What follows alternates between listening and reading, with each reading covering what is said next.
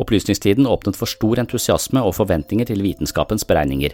Det installeres et håp om at naturens gang kan tilkjempes og gjennombores i vitenskapens navn, hvorpå man vil få svar på livets gåter gjennom nøye utstuderte eksperimenter. I enkelte fora ble forhåpningene så store at det tidligere verdenssyn ble utrangert umiddelbart og erstatta med en verden som angivelig oppfører seg like forutsigbart som et biljardbord. I dagens samfunn roper vi igjen på de gamle visdomstradisjonene fordi mange opplever en viss skuffelse overfor naturvitenskapens kapasiteter.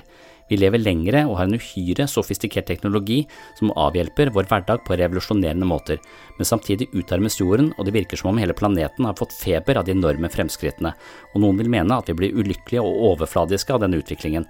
Plutselig husker noen på Roland Barth som gjentatte ganger har påpekt at man tar livet av mennesker ved å fjerne mytologien.